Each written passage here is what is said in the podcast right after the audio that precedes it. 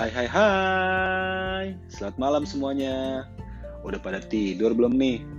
Pasti lagi sibuk dengerin Spigo ya? Gue Mario dari SDP3 juga demikian kok. Hari ini kita bersama-sama telah mendengarkan podcast yang luar biasa dari Alamanda Santika Salah satu co-foundernya Gojek Dari William Tanwijaya, foundernya Tokopedia Dan juga dari Kang Ronald Surapraja Presenter lucu serba bisa jadi, apa aja sih hal-hal yang kita bisa pelajari dari mereka? Yang pertama dari alam Mandasantika dengan critical thinkingnya. Bahwa kunci untuk berpikir kritis adalah power of questioning. Bagaimana kita harus selalu penasaran terhadap hal-hal yang baru, sehingga dapat connecting the dots terhadap sesuatu hal yang berbeda. Be aware of every moment in your life dan orang-orang yang ada di sekitar kita tell them why, and show the wisdom. Jangan melakukan hal-hal yang monoton. Bagaimana memetakan masalah di kehidupan sehari-hari dengan mind map. Dan itu semua tidak akan berhasil tanpa poin yang ini, yaitu harus berani untuk salah dan belajar dari kesalahan tersebut. Lalu dari William Tanwijaya, kita belajar mengenai complex problem solving. Bahwa grow mindset adalah landasan kompleks dalam memecahkan masalah. Jangan berfokus hanya pada hasilnya, tetapi pada prosesnya. Carilah purpose hidup kita ini tuh mau ngapain. Jadikan masalah sebagai kesempatan berkembang atau peluang, bukan sebagai penghambat. Kita juga harus bisa mengidentifikasi antara perbedaan masalah dan rintangan. Karena jika kita hanya fokus terhadap masalah, kita akan lupa bahwa ada rintangan yang jauh lebih besar ketika masalah itu sudah selesai. Dan ketika membahas William Tanwijaya, ini yang paling saya suka. Hashtag mulai aja dulu. Karena jika sesuatu hanya dipikirkan tanpa eksekusi, itu tidak akan jadi apa-apa. Yang terakhir, dari Kang Ronald Surapraja, kita belajar mengenai navigating your career to the top bahwa kita harus tuh mencintai pekerjaan apa pun yang kita kerjakan. Kerja itu pakai hati dengan 4S. Kerja keras, kerja cerdas, kerja tuntas, dan kerja ikhlas. Berpikir tuh udah nggak zamannya lagi out of the box, tapi harus without the box. Karena ide itu harus muncul secara liar.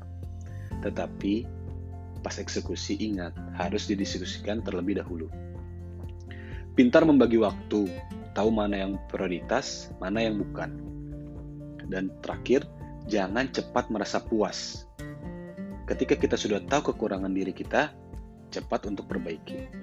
Kesimpulannya adalah bahwa ketiga orang itu adalah orang yang tidak mudah menyerah. Sudah tahu purpose di dalam hidupnya itu mau apa, dan juga berani mengambil risiko di dalam hidupnya. Demikian kesimpulan yang dapat saya sampaikan. Terima kasih dan selamat malam semuanya. Bye bye bye.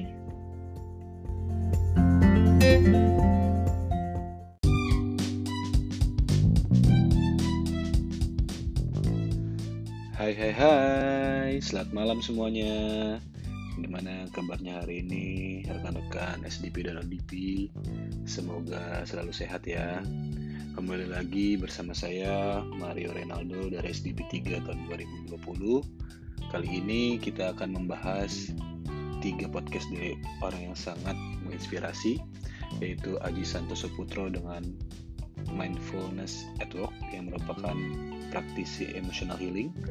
Lalu ada Alexander Sriwijono, founder of Daily Meeting mengenai bahan bakar di balik kesuksesan yang ketiga yaitu Sylvia Halim adalah Direktur Konstruksi MRT Jakarta yang akan membahas mengenai leading with courage to solve problem.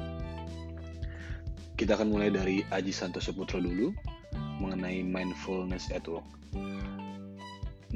Modernitas melahirkan kompleksitas yang menyebabkan apatis dan agresif. Oleh sebab itu dibutuhkan sikap mindfulness yang pola pikirnya bersifat mengalir, lebih tenang, membuat orang mempunyai rasa untuk jeda, dan untuk mengambil respon yang dipilih. Mindfulness lebih luas dari meditasi, karena mindfulness berbicara mengenai kesadaran dan mengenali diri sendiri. Karena mindfulness adalah menyadari pikiran, bukan mengendalikan pikiran. Sehingga pikiran akan menjadi lebih rileks dan lebih produktif dan juga kreatif. Tekanan yang membuat kita stres itu bukan dari dunia luar, tetapi timbul dari dalam diri sendiri. Karena sumber utama stres adalah pikiran.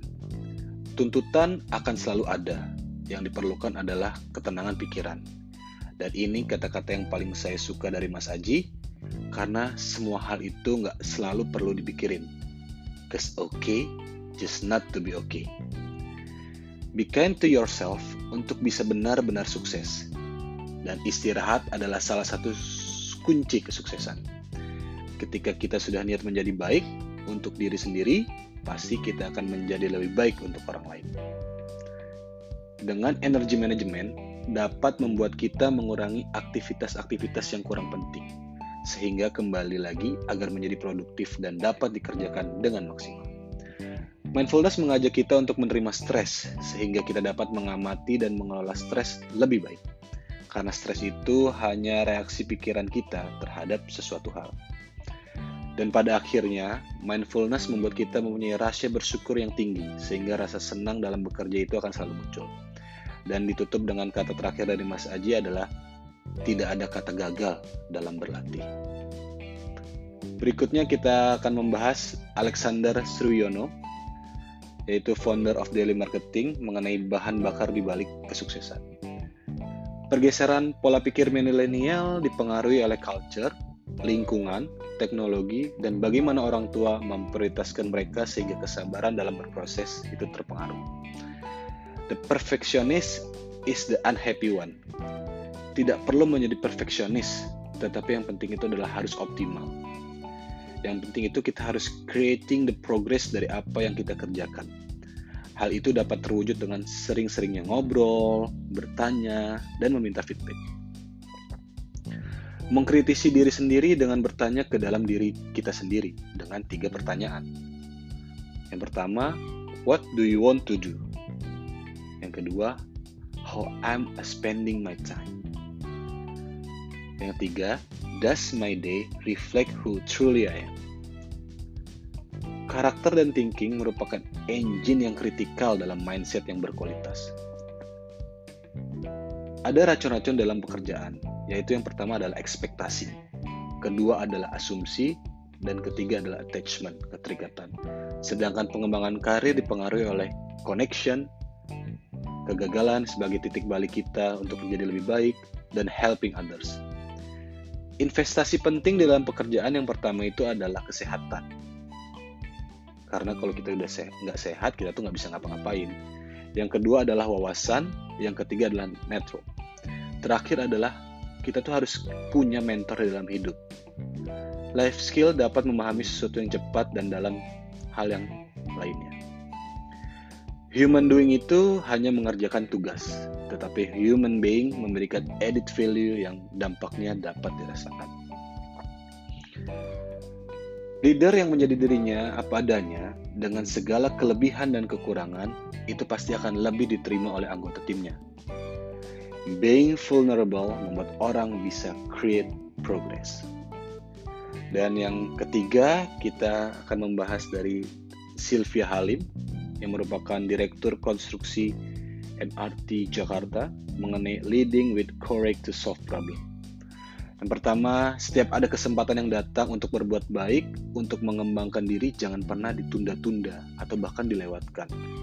Do your best, lakukan yang terbaik harus siap menjadi pribadi yang kompetitif karena jika kita tidak kerja keras maka akan ketinggalan.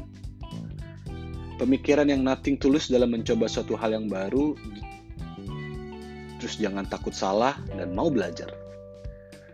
Berani keluar dari zona nyaman untuk mencoba menyelesaikan masalah-masalah yang baru dan menciptakan solusi.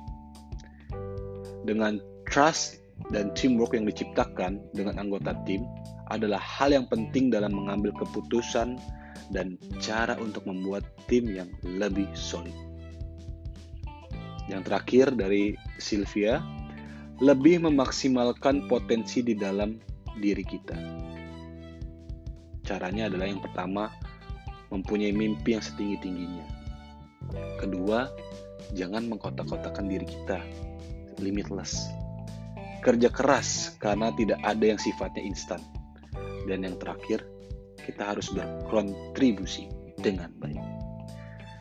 Kesimpulannya adalah, walaupun ketiga orang tersebut mempunyai latar belakang pekerjaan yang berbeda-beda, tiga orang tersebut adalah orang yang berani keluar dari zona nyamannya, selalu mau belajar dan belajar, sehingga dapat memberikan kontribusi yang sangat positif untuk lingkungan sekitarnya.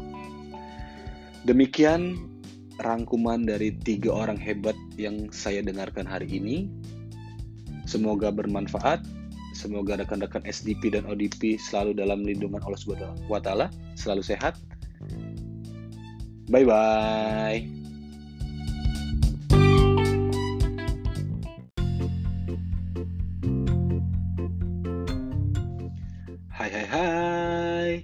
Selamat sore menjelang malam rekan-rekan SDP dan ODP. Kembali lagi bersama Mario Ronaldo dari SDP 3 tahun 2020. Gimana kabarnya hari ini? Masih sehat semua ya? Semoga selalu dijaga kesehatannya. Dan ingat, walaupun besok weekend, tetap di rumah aja ya. Jangan ke mana-mana. Baik, podcast kali ini Mario akan membahas mengenai tiga orang yang inspiratif lagi, yaitu ada Ernest Prakasa yang merupakan seorang stand-up komedian dan juga sutradara sekaligus pemain film. Yang kedua ada Zivana Leticia yang merupakan putri Indonesia tahun 2008 dan juga seorang penulis buku. Yang ketiga ada Adis Tizara, aktris yang sedang naik daun dan juga merupakan singer atau penyanyi anggota JKT48. Baik, yang pertama Mario akan membahas mengenai Ernest Prakarsa dengan cognitive flexibility. Peran teknologi, robot, dan artificial intelligence sangat penting di era revolusi industri keempat. Nah, kemampuan mengerjakan banyak hal dengan fokus dan menghasilkan hasil yang maksimal disebut dengan cognitive flexibility. Cognitive flexibility ini tidak bisa dimiliki oleh robot ataupun artificial intelligence sekalipun.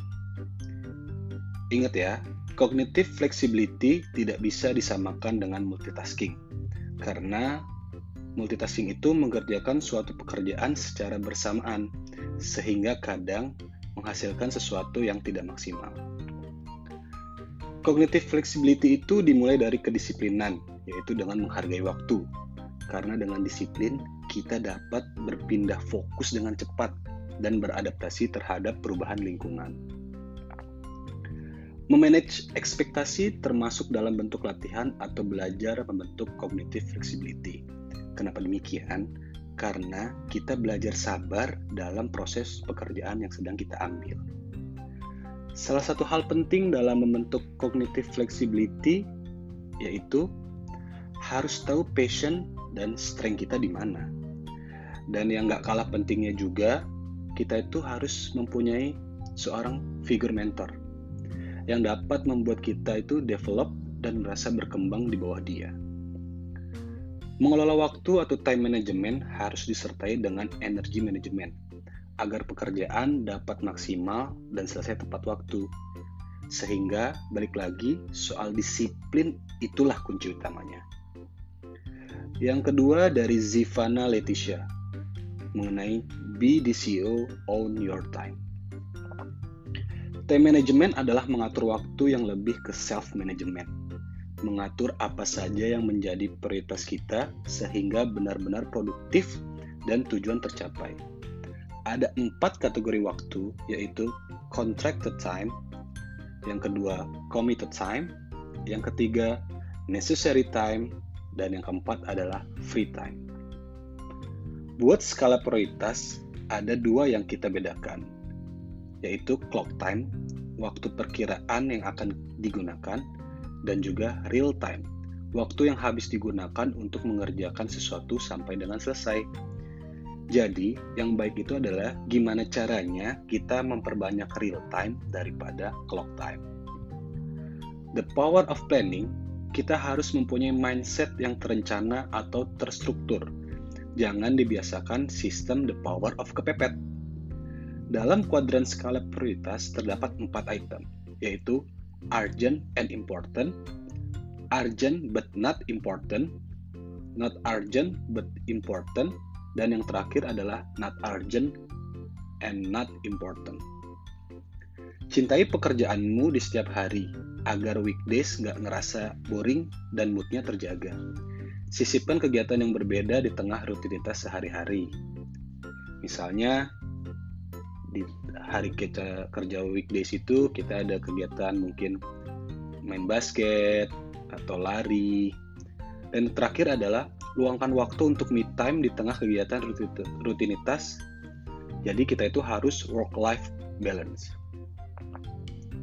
Terakhir dari Adisti Zara yang dapat uh, Mario pelajari, walaupun dia umurnya pasti di bawah kita, yaitu mengenai exploring talent dan new skills. Yang pertama, adanya keinginan kuat untuk belajar dan mencoba hal yang baru, pintar-pintar membagi waktu dan jaga kesehatan. Jangan takut salah dan lakukan apa yang kita anggap benar. Jangan pernah merasa nggak enakan dan cepat merasa puas. Berani untuk mengeksplor diri. Terakhir, jangan pernah bersikap egois dalam exploring talent dan kemampuan baru kita. Berusaha menerima masukan, kritik, dan saran dari orang, dari orang lain untuk membuat kita jauh lebih baik lagi. Nah, yang paling penting ini sih, di tengah kesibukan atau rutinitas sehari-hari, jangan lupa bahwa ada keluarga sebagai tempat untuk bertukar pikiran dan berkumpul bersama. Jadi demikian uh, podcast yang bisa saya berikan pada sore menjelang malam hari ini. Semoga bermanfaat untuk teman-teman SDP dan ODP. Selalu jaga kesehatan ya teman-teman semua. Selamat sore. Bye bye bye.